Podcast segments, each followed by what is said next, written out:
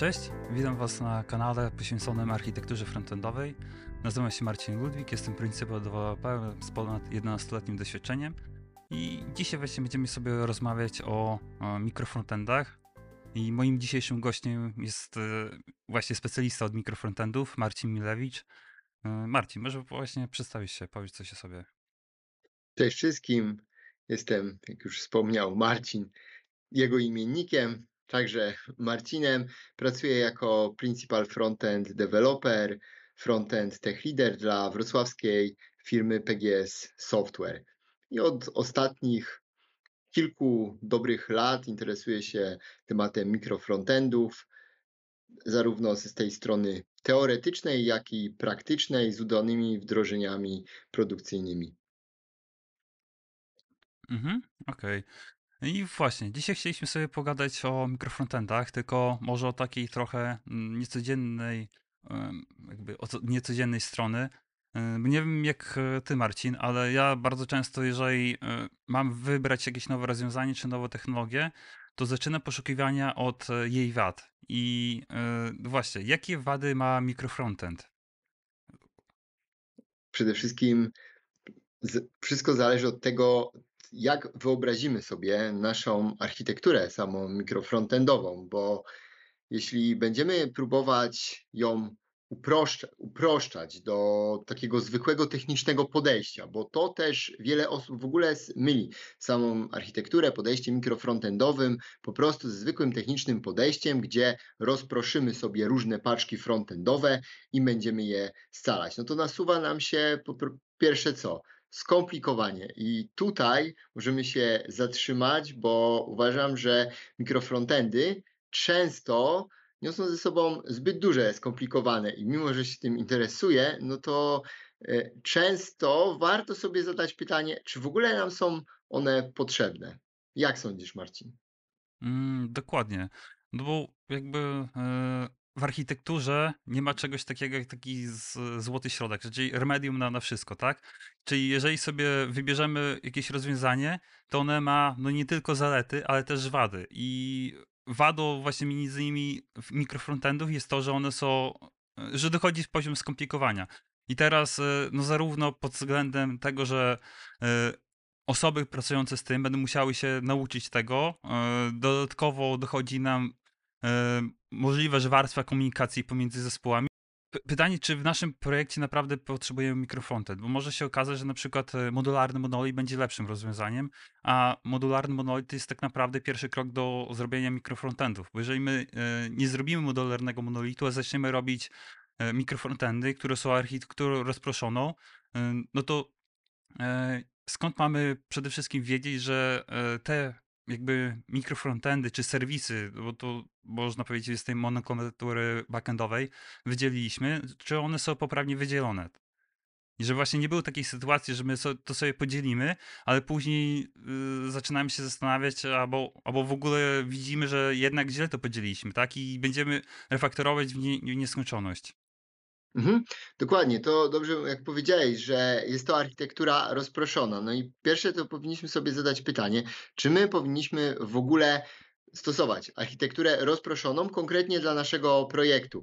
I ja zauważyłem taką zależność, że często jak ktoś już słyszy mikrofrontend, to już wie od razu, że to może być rozwiązanie dla jego projektu, no bo to jest modne, bo o tym się opowiada na konferencjach, bo wychodzą coraz to nowsze rozwiązania, ale tak naprawdę te mik- mikrofrontendy, które zyskały na popularności, szczególnie w ostatnich latach, kiedy zaczęły się pojawiać te rozwiązania, chociażby warstwa transportowa, którą jest sam moduł Federation, który de facto nie jest stricte związany z, mikro, e, z mikrofrontendami, ale ściśle zawsze występuje jakby e, koło siebie, to, to wszystko tak narzuca nam taką myśl, ok, to spróbujmy tego, jak to jeszcze nie robiliśmy, to czemu by tego nie wprowadzić? I to jest tutaj, wydaje mi się, najgorsze, co możemy zrobić tak naprawdę startując projekt.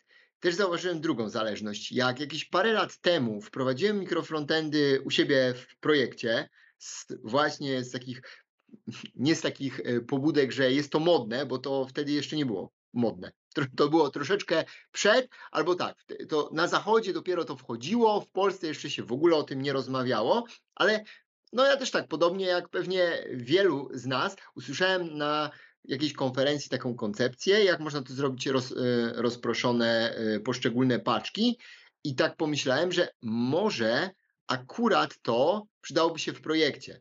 I od tego zacząłem, od wyznaczenia jakby takich driverów architektonicznych, co ja potrzebuję w projekcie, jakie problemy chcę rozwiązać, jakie problemy mogą się pojawić przy takim rozwiązaniu i czy na pewno to będzie dobra droga. Wtedy okazało się, że wybór był słuszny, bo takimi dla mnie wtedy przesłankami były po prostu niezależne deploymenty i w miarę autonomiczne, e, autonomiczna praca zespołów. I to są przesłanki, że możemy. Ale to, co mówisz, modularny monolit. Jeżeli pracujemy w jakimś projekcie, gdzie nawet, nawet miejmy bardzo, bardzo dużo osób, ja w tym, w tym momencie pracuję w projekcie, gdzie mamy około 12-13 samych frontend deweloperów e, w pięciu zespołach i no, dość duży projekt. To jest tak, frontend tam jest na około, nie wiem, 120 tysięcy linii kodu w tym momencie, ale uważam, że no, mikrofrontendy akurat w tym projekcie w ogóle by się nie sprawdziły. Dlaczego?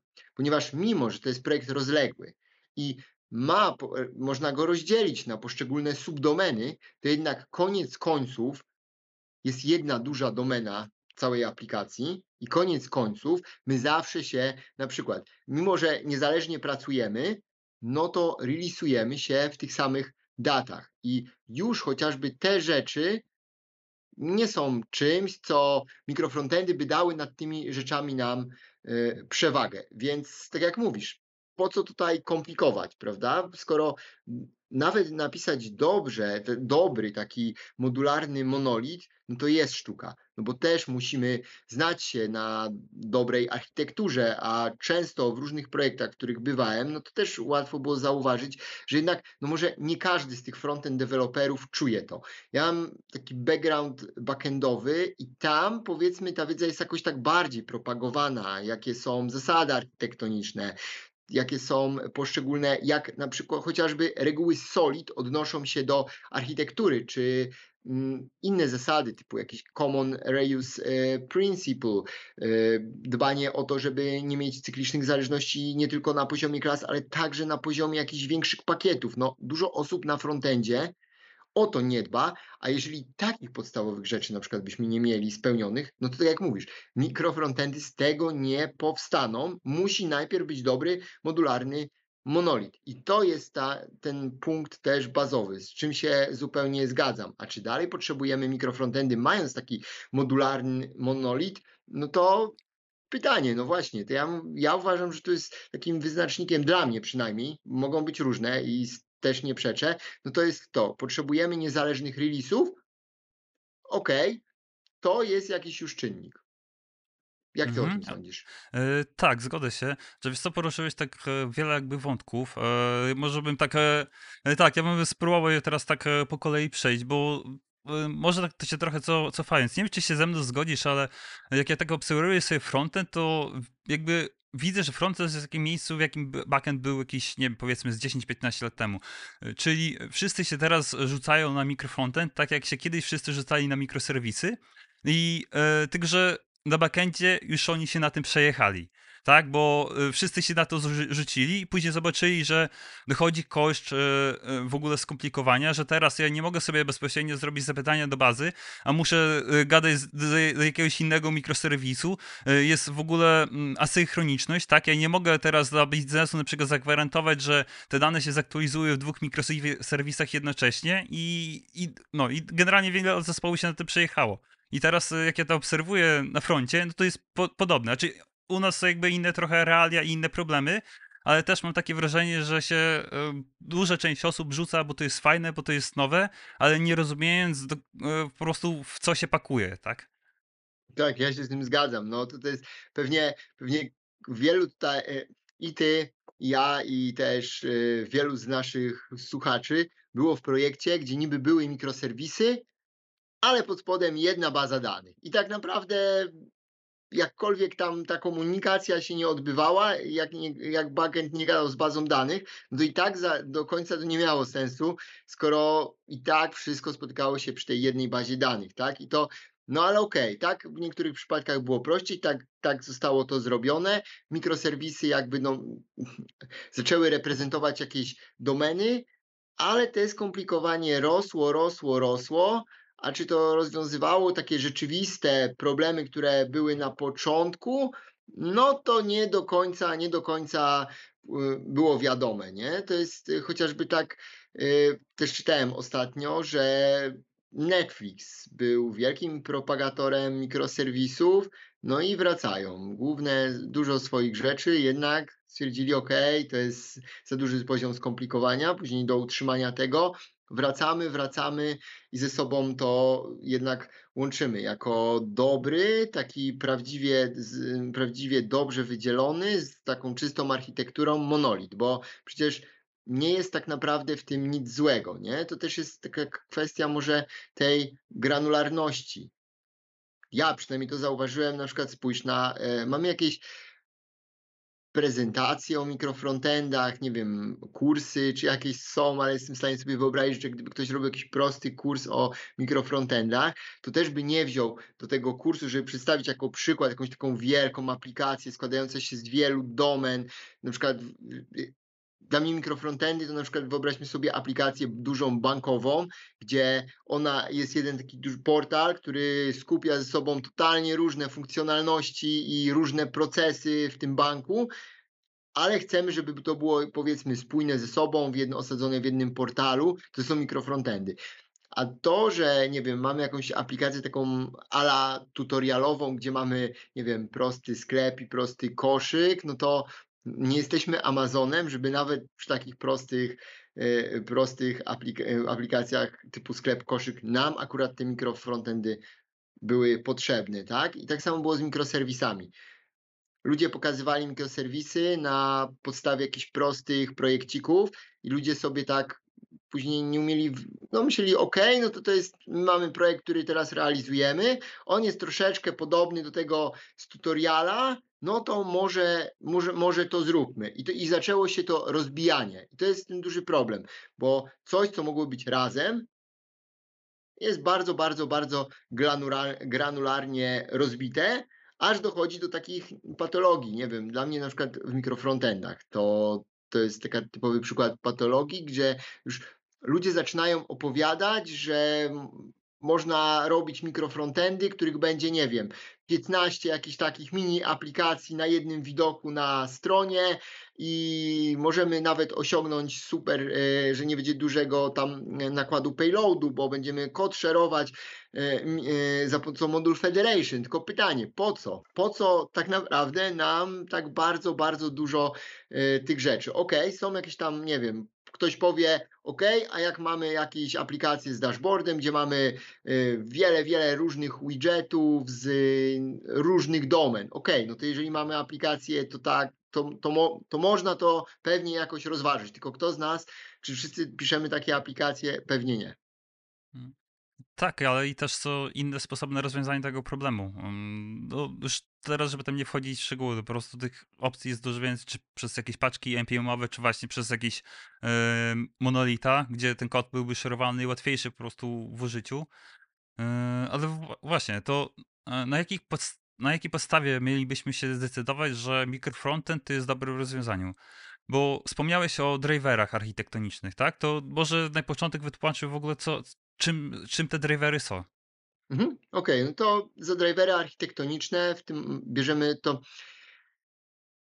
Są to rzeczy, którymi, które są ważne dla biznesu. Są to rzeczy, którymi my, y, zarówno stakeholderzy, kierują się, y, kierują się wyznacza, y, wyznaczając jakieś decyzje, jeśli traktujemy architekturę jako zbiór decyzji, jak i dla nas w tym momencie drivery są wyznacznikami tego, jakie my tak naprawdę problemy mamy rozwiązać. Na momencie wyznaczania nawet takich driverów architektonicznych, my jeszcze nie myślimy, że to będzie, nie wiem, zrobione w taki sposób, tu będzie taki moduł. Nie, nie, nie myślimy o tym. My wtedy myślimy o tym, jak, e, no właśnie, jakby to na przykład miało wyglądać e, releasowanie z punktu biznesowego, czy dla nich, e, czy jest ważne bardzo częste, czy może to być, czy może być to rzadsze, czy wszystkie elementy systemu będą ze sobą w tym samym momencie releasowane po prostu jakby nasze wyznaczniki, wyznaczniki, którymi my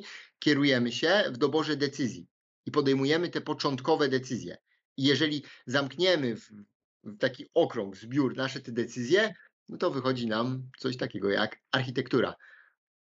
Mm, dokładnie. I, e, I właśnie, jakimi czynnikami moglibyśmy się e, tutaj kierować? E, nie wiem, czy się ze mną zgodzisz. Ja bym w sumie czy widzę odnośnie mikrofrontendów dwa główne, plus może taki trzeci poboczny.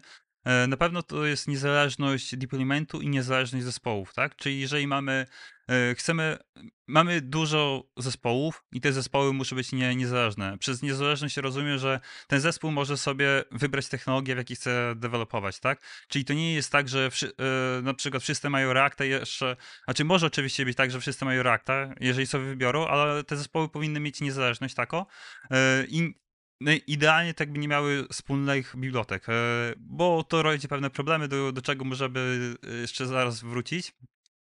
E, druga rzecz to jest niezależność do deploymentów, czyli że po prostu no to jest powiązane z zespołami, tak? Zespół sobie niezależnie pracuje, on sobie robi niezależnie deploymenty, no i generalnie to jest potrzeba biznesowa, tak? No biznes ma na przykład różne unity, programiści pracują w różnych unitach, w różnych odstępach czasu chcą się zrealizować. E, I trzeci czynnik, który tu uwzględnił, to o czym rozmawialiśmy ostatnio, czyli skalowalność. E, w frontendzie akurat nie, zazwyczaj nie ma takiego znaczenia, ale jeżeli na przykład byśmy mieli aplikację bankową i potrzebujemy sobie samemu skalować na przykład taki serwer, e, który będzie hostował JavaScripty, no to w takim kontekście to, to może być właśnie taki driver. Mhm. Albo jeżeli mamy server-side rendering, gdzie jakoś ta moc będzie dla nas miała znaczenie. Niemniej jednak no, jest to jakby tutaj akurat taki też ten no, mały, taki mały czynnik, ale jak najbardziej słuszny. To jest to, co też ostatnio rozmawialiśmy. Mamy aplikację bankową, w której mamy, e, w której, której mamy powiedzmy dwie mini aplikacje, niezależne, ale jedna, ale jedna według jakichś dyrektyw musi działać na obszarze danego e, data center w danym kraju i frontend też musi, musi tam e, być e, zahostowany, a inna na przykład w innym kraju, poza Europą, bądź nawet w różnych krajach europejskich, tak? Ale wciąż te dwie ze sobą mini aplikacje składają się na coś większego i mają razem działać. I użytkownik nie ma tego widzieć, ani chodzić po różnych e, tabach, otwierać nowe strony. Użytkownik ma mieć jedną, jedną aplikację, jak w miarę dobry sposób nawigowania po tym, ale pod spodem z punktu i prawnego, czyli tutaj e, z bezpośrednim przekładem na biznes, ma to znaczenie. Także, no jak mówisz, niezależne deploymenty też w moim projekcie, w którym byłem, gdzie były te mikrofrontendy, to był typowo taki przykład. Jeden zespół robi coś, gdzie ma być to za miesiąc, gotowe, a drugi zespół za, ma być za dwa miesiące i później, e, później te zespoły się relisują, ale nigdy jakoś te ze sobą relisy nigdy by nie współgrały, tak? Bo jeden zespół robi coś dla zupełnie innego biznes unitu niż drugi zespół. Jeden zespół ma inne cele i drugi zespół ma też inne cele, które ma realizować, no bo nasze aplikacje mają realizować po prostu cele biznesowe. I to jest dobry wyznacznik. Co do niezależności technologicznej, to też to jest, to jest ciekawe, bo okej, okay, fajnie mieć niezależność technologiczną, to też był właśnie taki jeden z tych takich głównych zalet, nie? Mamy mikrofrontendy, możemy sobie porobić różne rzeczy w różnych technologiach, y, ale w pewnym momencie, no, każdy zauważył to, tak, ale jakim jaki mamy duży wtedy poziom skomplikowania, tak? Bo ktoś przyszedł i, i tak zrozumiał, ok, to ja nigdy nic nie robiłem, nie wiem, załóżmy w Reakcie, całą aplikację mamy w Angularze, ok, mamy mikrofrontendy, dobra, to ja napiszę w Reakcie, nie? A jeszcze inny zespół, a to jak mamy jakiś mały modulik dopisać, to może we Vue. I Fotworks y, w swoim radarze to nawet nazwał jako te, tą technikę jako y, Micro Frontends Anarchy i zostało to jako taki bad practice przedstawione, że no żeby tak nie robić i no no rzeczywiście, no nie widzę nie widzę sensu, żeby robić w takim normalnym projekcie, jak większość z nas pracuje. Oczywiście jest, może sens, kiedy mikrofrontendy wprowadzamy i i to jest nasz taki driver, że mikrofrontendy mogą to zrealizować. To jest przypadek, kiedy migrujemy legacy aplikację. Aplikacja jest wielka, składa się z kilkudziesięciu różnych modułów.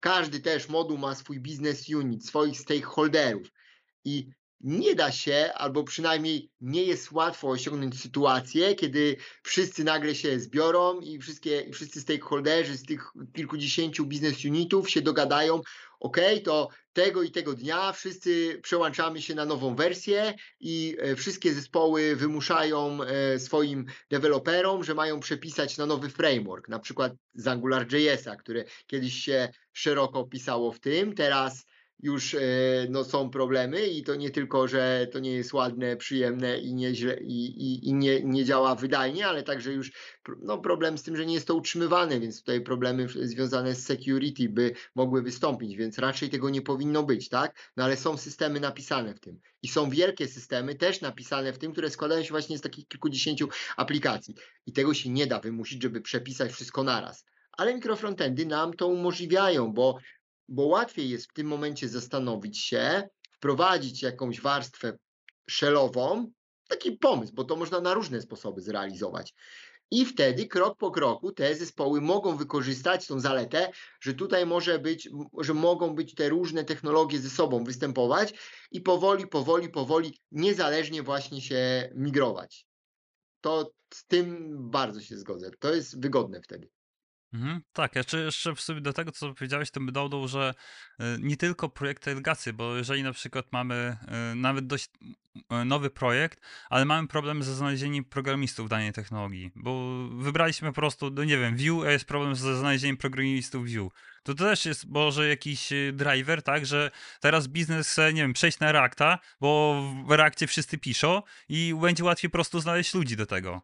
Mhm, jasne, jasne. W tym momencie biznes biznes zauważa taką rzecz, tak, że ma łatwiejszy resourcing jednak z tymi deweloperami, a nie wiem nie wiem, eee, Vue niby staje no staje się co coraz bardziej popularne, ale czy nie wiem, czy tak łatwo znaleźć też tych deweloperów, tak? I nagle mamy na przykład bo to by byśmy mogli sobie pomyśleć, tak, to to czemu biznes nagle jest też taki niezdecydowany, że tutaj już ten wyznacznik ale ale może tak być, że miał być to mały projekt.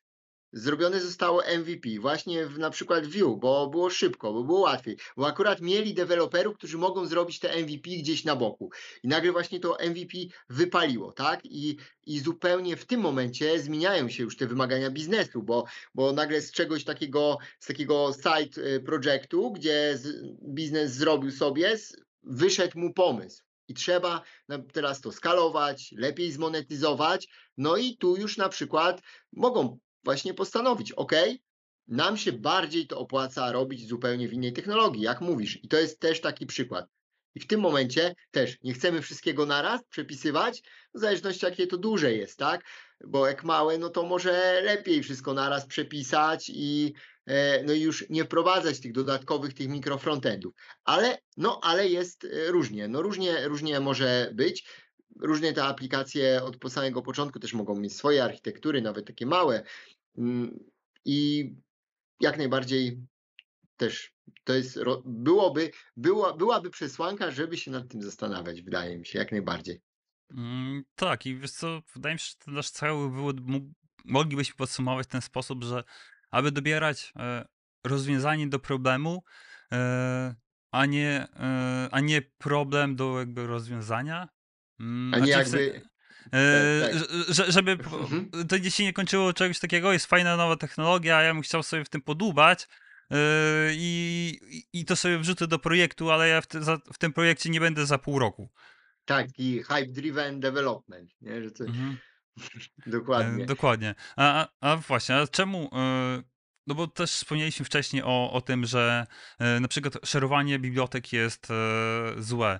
E, nie wiem, czy czy czy się zgodzisz, że ci ci e e, jakiś czas temu napisałem takie może trochę prowokacyjne stwierdzenie, ale że, e, Webpack z Module Federation to może być w pewnych konfiguracjach takim, rozproszonym monolitem.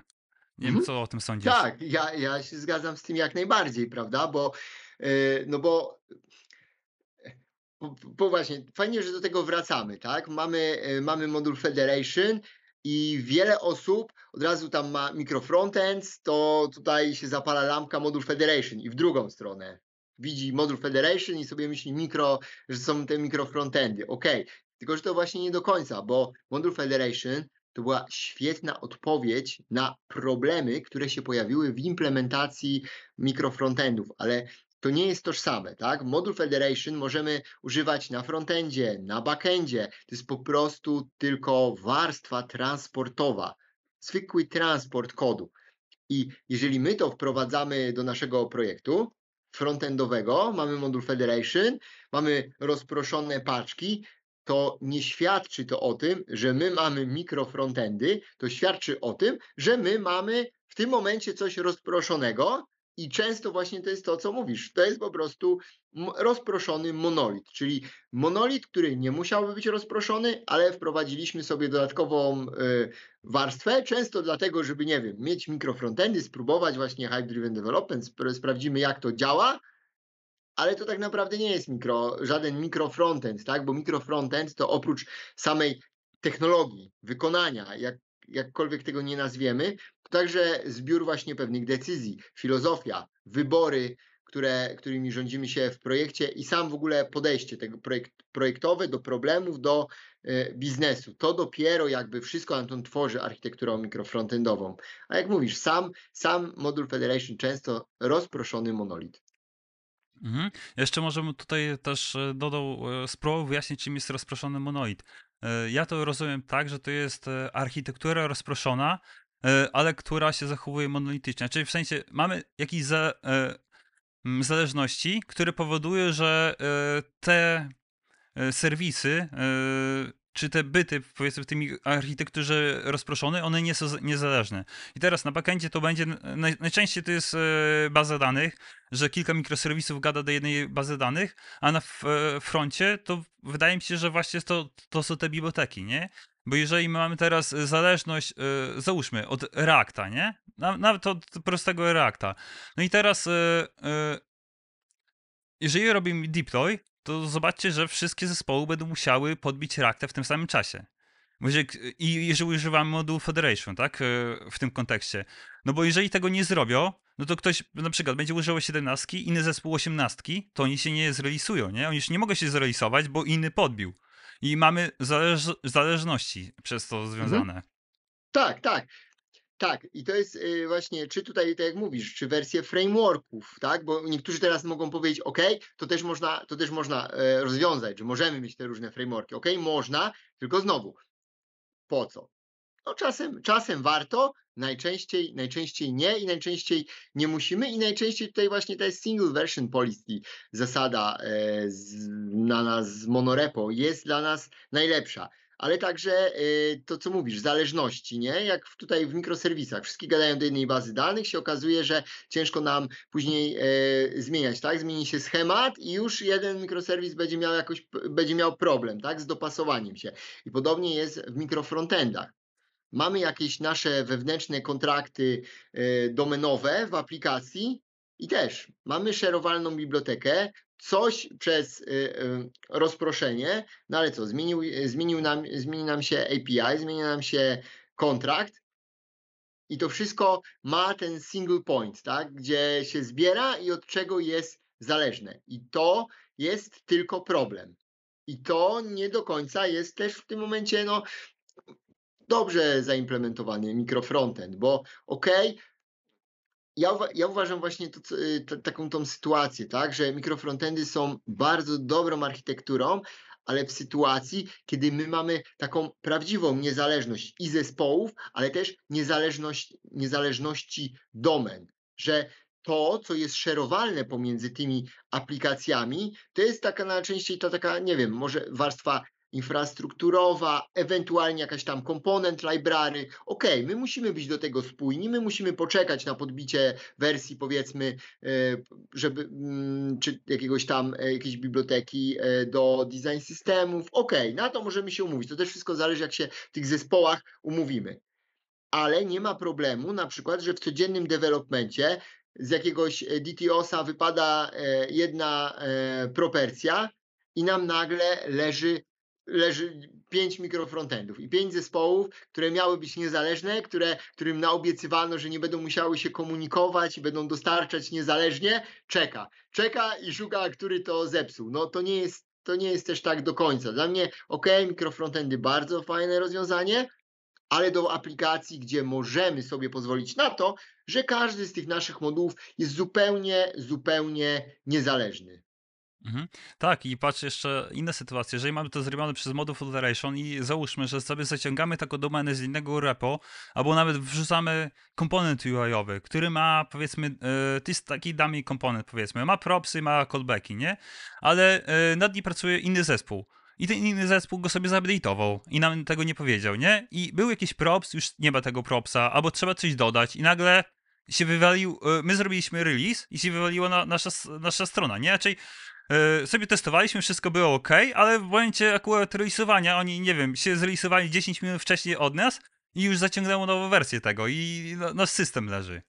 Tak, no dokładnie, dokładnie. To są, to są takie zależności. Tutaj nawet y, y, łatwo, łatwo znaleźć też y, takie przykłady, gdzie na przykład nawet kiedy my sobie jakieś tam powyprowadzamy swoje kontrakty, swoje zasady w projekcie, że, że mamy jakieś, y, nie wiem, że wersje nie różnią się, że, jak, że możemy mieć różne wersje i je testu, że testujemy, to może się zdarzyć, że pomimo tego wszystkiego będziemy mieć taki fuck up. I przykładem jest na przykład Angular Material, NGRX i masa innych y, bibliotek, które działają na zasadzie singletonów w przeglądarkach, które robią sobie jakieś, y, robią sobie instancje, z których na przykład korzystają z cache'a, y, inne swoje rzeczy i montują się bezpośrednio na obiekcie globala w przeglądarce, bo w tym momencie my mamy tak jakby ukryte to, że ten runtime jest tam pod spodem. I nawet jak nam się te wersje zgodzą,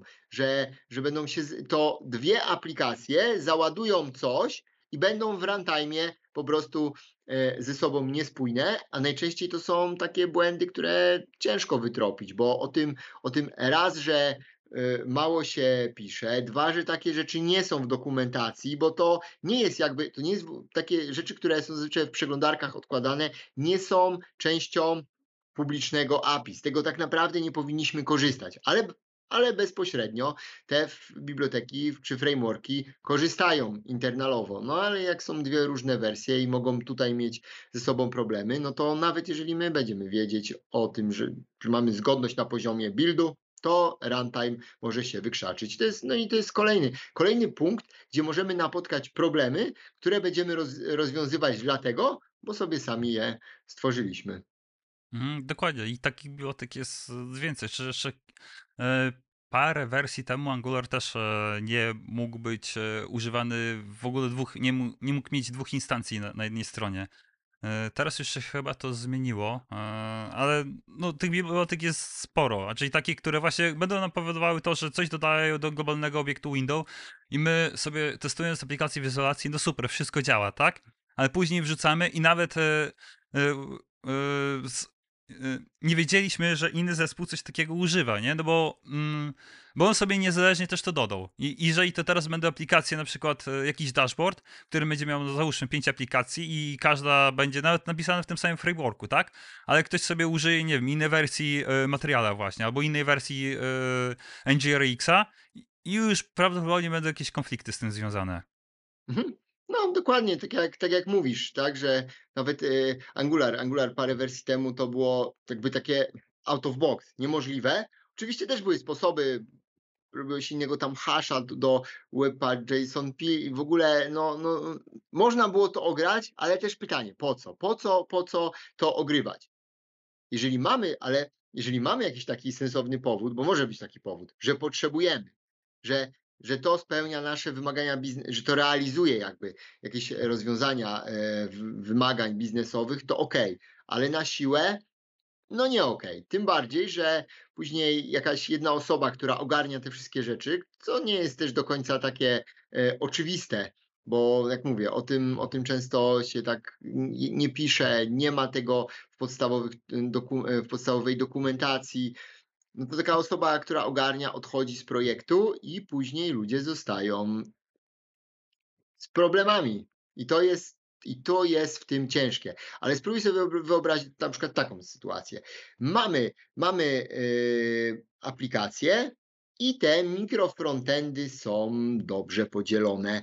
I na przykład każdy mikro... Ja, ja bardzo uwielbiam w ogóle taki podział wertykalny, gdzie tak naprawdę każda, każdy moduł, każdy mikrofrontend to jest nasz osobny jakby widok, strona, aplikacja. My możemy ją uruchomić zupełnie standalone, ale też możemy uruchomić ją w oknie. I wyobrażamy sobie taką aplikację i ona nie ma żadnych tutaj ze sobą zależności, prawda? I wtedy ma to zalety. Ma to, ma to zalety, o których też byśmy mogli tutaj dużo mówić właśnie, bo ale czy widzisz wady na, właśnie, czy widzisz wady w takiej, w takiej w ogóle niezależności? W idealnym świecie mamy. Mm, w- To przede wszystkim to rozmiar bundla. Znaczy, no, no bo to jest chyba największą wadą mikrofrontendów, tak mi się wydaje.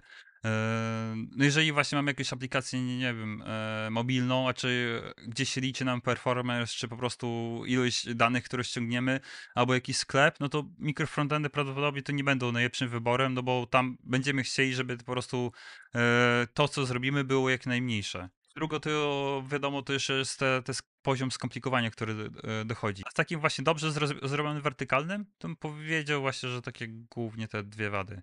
Mhm.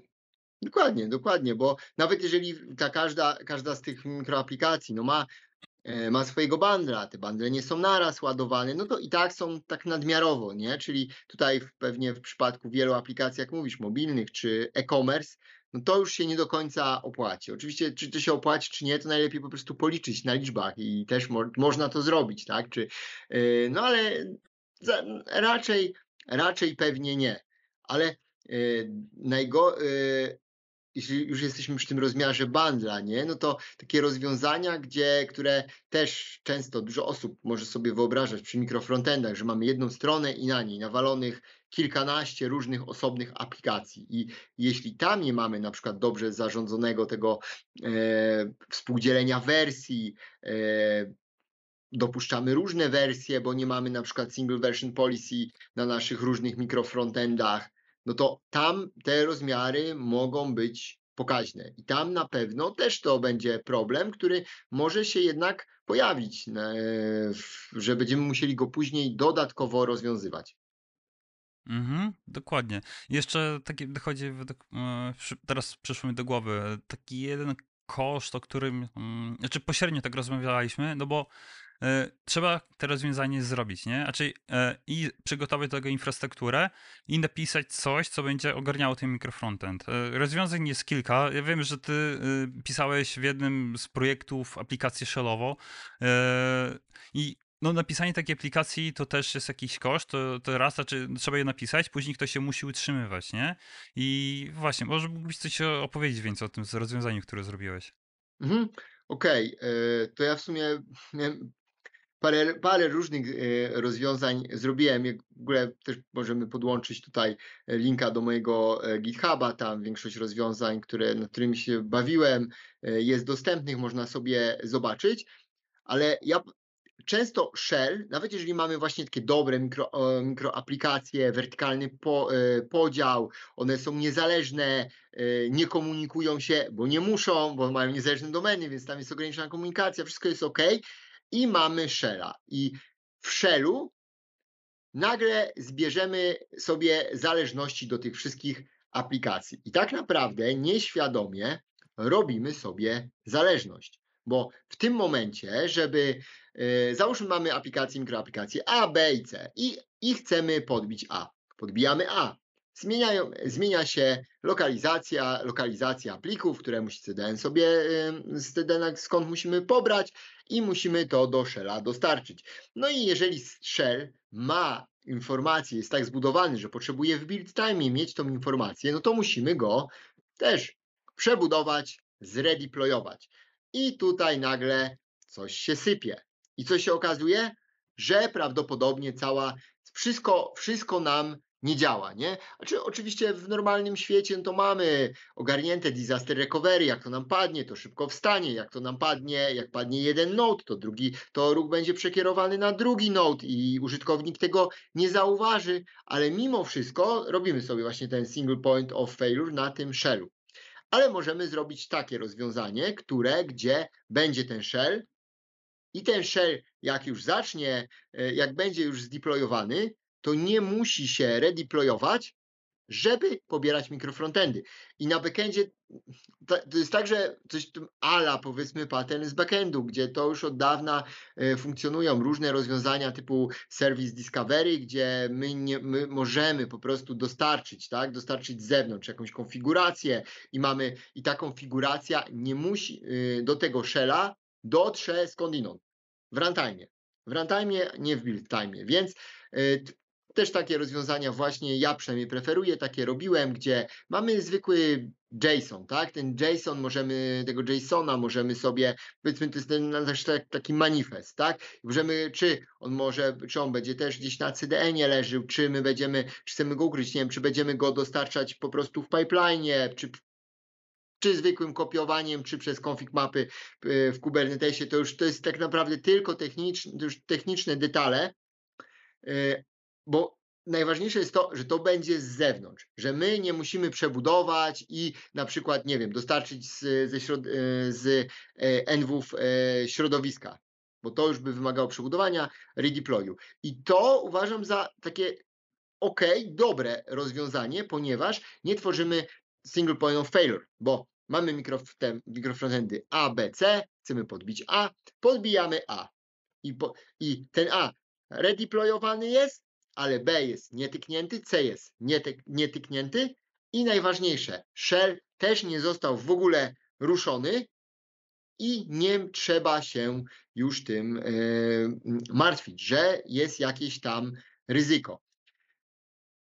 Dla mnie, jeszcze o, jak jesteśmy przy tym temacie, to też dla mnie e, tutaj mikrofrontendy mogą też taką nieść przewagę, bo e, właśnie też w obsłudze błędów. Jeżeli mamy wiele aplikacji i tak naprawdę byśmy mieli jeden wielki monolit i coś nam e, w build time, coś się nam w build time zadzieje, czy to w runtime się nam zadzieje, gdzieś na bardzo niezależnej, na jakimś bardzo niezależnym module. I nawet ten moduł, wiadomo, będzie tam lazy loadowany jest w innym tak naprawdę fizycznym, innym tym bundlu, ale to dalej jest tej jednej aplikacji i to przy, możemy, może build time przejść, a w runtime nie wstanie, tak? Cała nasza aplikacja nie wstaje. A w mikrofrontendach mamy tą możliwość, że jak tylko ta A nie wstanie, to na przykład Shell może już mieć tego fallbacka jak, y, do obsługi erroru tak zrobionego, że po prostu, nie wiem, y, czy da komunikat, że jest to, że y, niedostępne, bądź pokaże starszą wersję i ta starsza wersja nie, i nie będziemy musieli tego na infrastrukturze e, robić, żeby pokazywać, e, żeby utrzymywać jeszcze kontenery z poprzednią wersją. No jest tu dużo, duże tutaj to stwarza nam możliwości także do wersjonowania, bo możemy różne wersje utrzymywać i tak naprawdę łatwo e, przełączać. Znaczy, oczywiście bez mikrofrontendów też możemy takie e, robić, e, robić e, rzeczy. Ale no jest to też Mhm. Jest to coś, co się e, może przydać. Jeżeli nasz projekt na przykład tego wymaga, a tutaj znowu ja tutaj się cofnę do aplikacji, duże aplikacje bankowe, niezależne domeny.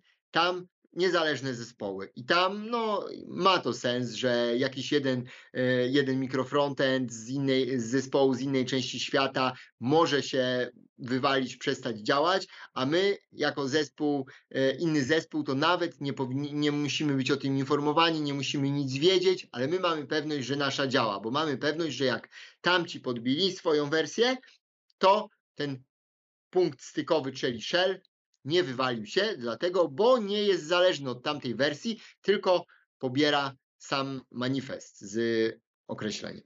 I to tak, tak wygląda. Mhm. Tak, to dokładnie. Czy zgodzę się właśnie z tym, że e, no bo tutaj tak naprawdę, jeżeli mamy Shella, no to on jest właśnie tak jak powiedziałeś, nie? Tym punktem, e, mm, wie- znaczy, y, jak padnie, no to po prostu padnie nasza cała aplikacja. I też to fajnie to, co poruszyłeś, że e, jeżeli mamy nawet modularny monolit zrobiony i nawet jakbyśmy mieli bardzo dobrze ogarnięte na przykład jakieś błędy, że moduły nam się nie ładują, ale przecież to niko, nie blokuje e, kogokolwiek, e, żeby zrobić jakiegoś komita, który to zepsuje, nie? I pójdzie to pójdzie nam na produkcję i się wywali nagle, nie będzie zrobione obsłu- obsługi tego lazy loadowanego modułu, do którego robiliśmy jakieś zmiany, ale się przez to wywaliła aplikacja i będzie nieużywalna, tak? No i użytkownik nie będzie mógł nic zrobić. Mhm. Dokładnie.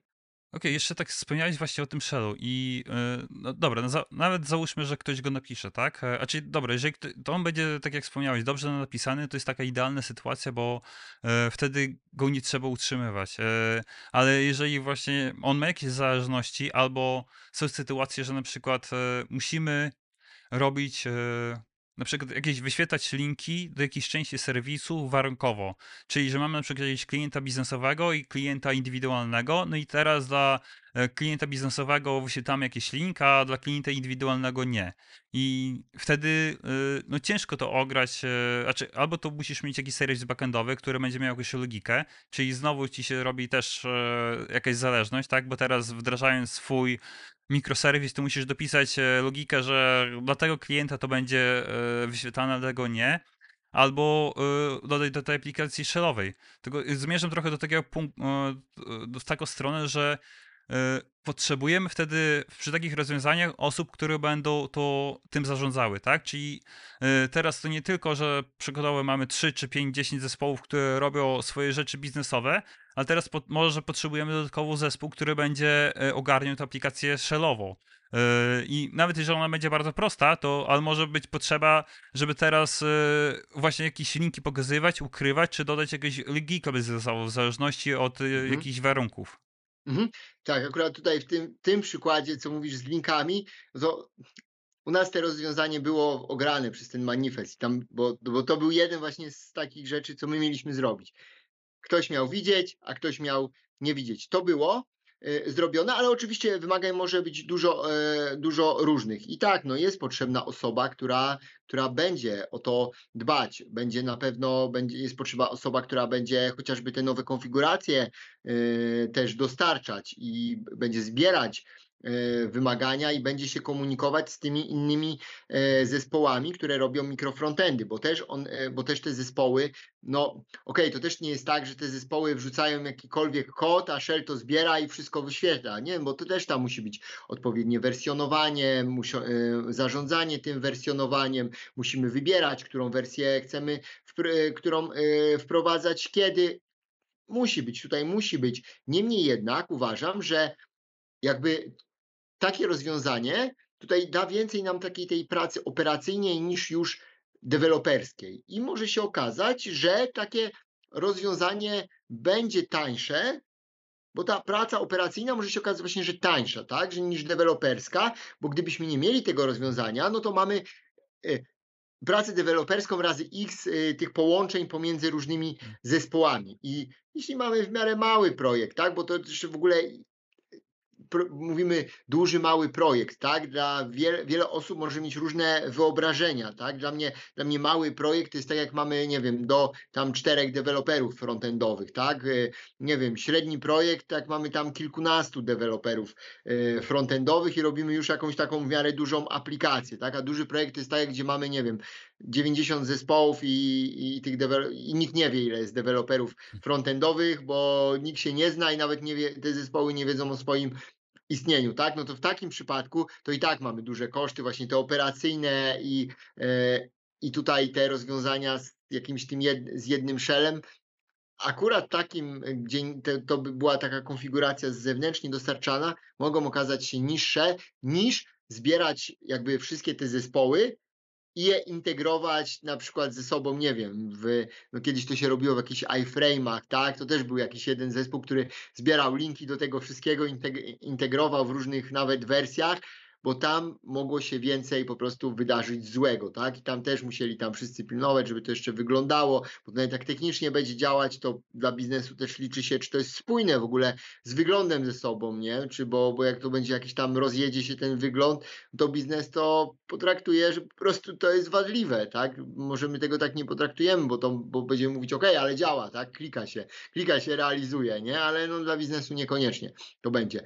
No i tutaj to też jest taka kwestia, że, że trzeba policzyć, co nam się pewnie tutaj bardziej opłaca, ale tak, no zespół, mamy dodatkowy narzut jakiś i w przypadku może takich tych wielkich, wielu, wielu, kilkudziesięciu zespołów, to to jest coś, tylko gdzie, gdzie zawsze był ten narzut, tylko przenosimy go po prostu jakby troszeczkę w inne obowiązki, może prostsze, no ale w przypadku, kiedy mamy taki mniejszy projekt, nie wiem, pięciu deweloperów i my wprowadzamy mikrofrontendy, a wcześniej nie musielibyśmy mieć tych mikrofrontendów, no to może się okazać, że nam zabraknie rąk, żeby jeszcze utrzymywać dodatkową infrastrukturę, shella, tutaj koordynować pracę, nie wiem, poszczególnych tych jednostek, nie wiem, że każdy, każdy deweloper robi swój mikrofrontend, to, to i tak trzeba, i tak tam trzeba ze sobą yy, rozmawiać, więc, więc może to pewnie do końca nie ma sensu, jeżeli mamy tak naprawdę takie małe małe projekciki, gdzie jeszcze nasze zdolności poznawcze są na tyle e, wystarczające, że możemy,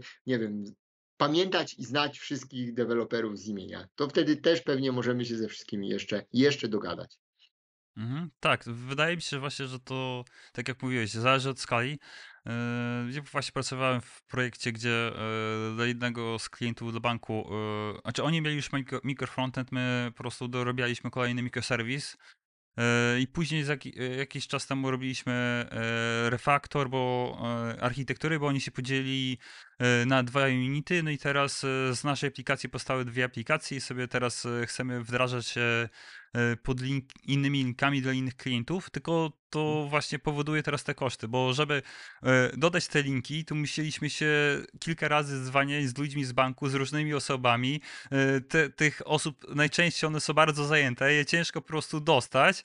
E, bo ktoś tam po prostu, kto już ileś tam lat siedzi, kto to ogarnia, musi dodać jakiegoś linka, albo po prostu, no najczęściej to jest kilka osób, które zna te bardzo dobrze takie systemy, nie? I które wie, co można zrobić, które co nie można zrobić i no, tylko problem jest taki, że ciężko je dostać, się z nimi mówić.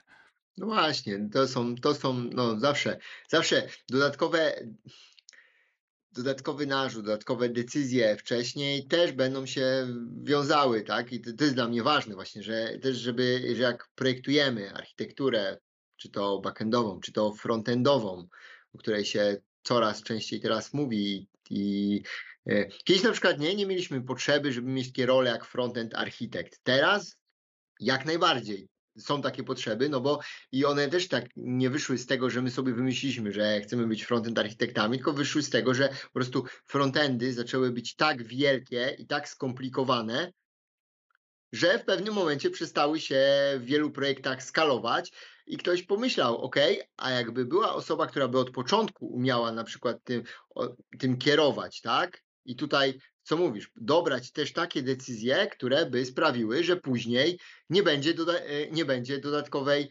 roboty, no to może by się to opłaciło. No, tak jak kiedyś na backendzie, nie? że to jest też jak wcześniej mówiłeś, tak, że na frontendzie jesteśmy powiedzmy tutaj w tym miejscu, co backend był 15 lat temu i też rozwiązujemy problemy, które już kiedyś gdzieś zostały w podobny sposób rozwiązane. Mhm. Tak, zgodzę się. Czy powiem nawet więcej. Jak sobie tak obserwuję, to e, już teraz widzę, że bardzo często backend deweloperzy, e, już taki middle e, ma jakieś podstawy DDD albo pracował w projekcie, gdzie był DDD, jakiś modularny monolit, czy po prostu to dobrze zrobione. I to jest taki punkt wyjścia do architektury rozproszonej. Na frontendzie, jak często rozmawiam z seniorami, nawet z leadami, to nie mają mm, braki po prostu w, w architekturze. A czy coś robią intuicyjnie, to pi razy oko działa, ale jak e, zaczynam ich dopytywać e, e, jakieś takie przypadki, no dobra, ale co jak w tym przypadku, czy jak to ci będzie się skalowało, albo e, czy możesz coś takiego zrobić, no to nie do końca sobie z tego zdaję sprawę. Mhm. Tak, tak, to jest, to jest też właśnie super przykład, nie? DDD, tak? Kiedyś też, kiedyś na e, DDD powstało, żeby zaadresować problemy, z dużą właśnie skomplikowaniem, po, pomieszaniem, zagmatwaniem w dużych systemach e, na backendzie, tak? I bo te systemy, bo nagle zaczęły powstawać takie systemy i przecież one zawsze powstawały, tak? Ale może nie na taką skalę jak teraz, tak? Bo kiedyś, powiedzmy, nie wiem, 30 lat temu były duże systemy, ale nie było ich tak wiele. Czy tam 40 lat temu, bo 30 lat temu to pewnie już, już było dużo. Ale 40 lat temu, no nie było na pewno tyle, tak? A teraz Teraz co druga firma już na przykład chce mieć, nie wiem, swój system, swoje wdrożenia, większe, mniejsze aplikacje i, e, i to nie jest teraz niestety tak, że każdą jedną aplikację e, dewelopują tacy naprawdę dobrzy specjaliści, tak? No bo w dzisiejszych czasach no to praca programisty to nie jest też zawsze tożsama z tym, że z pracą świetnego specjalisty, bo programistą nie jest ciężko zostać. I to jest to mówisz, często nawet tutaj na frontendzie senior, seniorzy mają, nie wiedzą co to jest DD, nie wiedzą jak tutaj, jak y, dzielić y, domeny, czy może tu źle powiedziane, bo jak dzielić domeny, to pewnie nikt, nikt nie ma tego złotego środka, tak, bo to, o to w tym chodzi, że trzeba, że trzeba przemyśleć, pomyśleć, różne podejść do tego strategicznie, ale, ale że w ogóle coś takiego jest, że w ogóle warto to robić, że tylko wszystko to się tak intuicyjnie robi ale zaczyna się to przenosić. I właśnie wspomniany DDD. Ja na przykład nie pamiętam, żeby 3 lata temu ktoś na frontendzie mówił OK, że o DDD, że można tam koncepcję z DDD przenieść na frontend. Teraz coraz częściej już się o tym słyszy. No i na mm, też y, ku mojej uciesze, no robi też się to, tak, bo no i uważam, że to ma sens, to ma sens, bo te aplikacje rosną, są bardziej złożone i my musimy to robić. I tylko pytanie, kiedy, kiedy bardziej też ta świadomość się przeniesie frontend deweloperów, bo to z, y, z, z, drugiej strony, wracając do naszego głównego tematu mikrofrontendów, nie? że y, mikrofrontendy są, mamy na to duży hype, wszyscy chcą robić na froncie, ale nie wszyscy na przykład, y, ale już na przykład DDD na froncie nie jest aż tak bardzo popularny jak te mikrofrontendy. A ciężko, ja sobie nie wyobrażam robienia takich poprawnych mikrofrontendów bez w ogóle rozumienia samej koncepcji, o co chodzi w projektowaniu domen, według na mm. przykład Domain Driven y, Design. Tak, ja powiem nawet więcej, czy wyszedł nawet z takim może trochę kontrowersyjnym stwierdzeniem, ale według mnie zrobienie mikrofrontendów jest łatwiejsze niż zrobienie DDD. A czyli e, przy, przy, takim, e, przy założeniu, jeżeli mamy zrobiony DDD i to powiedzmy mhm. sama warstwa techniczna dla mikrofrontendów, to jest prosta do, do zrobienia. No bo, bo tak. piszemy sobie jakiegoś shella, tam sobie, nie wiem, dwa tygodnie się zamkniemy w pi piwnicy i to ogarniemy. E, ale wydzielenie tych domen i po prostu zrobienie tego biznesowo dobrze podzielenie, tak żeby y, później jak przyjdzie nam biznes z jakimś wymaganiem i będzie chciał coś dodać y, do strony, to żeby nie było tak, że o kurde, to jednak nie, nie w tym serwisie, to powinno być w tamtym, nie? I, i co teraz? Tak, to jest, to jest dokładnie to, nie? Że, że, tutaj, że to technicznie nie jest, nie jest, nie jest trudne, bo jak mówisz, no, najprostszą wersję Shella, która, która będzie działać, to bardzo szybko zrobimy, tak? I która. Mm, ale to nie chodzi właśnie, tak też mówisz, o, o te techniczne rozwiązania. Nie to jest w tym wszystkim najważniejsze, tylko właśnie o te zaprojektowanie domen, bo, bo jeżeli nie będziemy mieć poprawnego wydzielenia, no to mikrofrontendy na pewno nam nie wyjdą. I tutaj mi się takie coś przypomina, że często jak miałem jakieś prezentacje o mikrofrontendach na jakichś konferencjach, to jednym z najczęstszych pytań, w sumie to jest pytanie, które zawsze, zawsze pada pytanie. Jak mikrofrontendy mają się komunikować?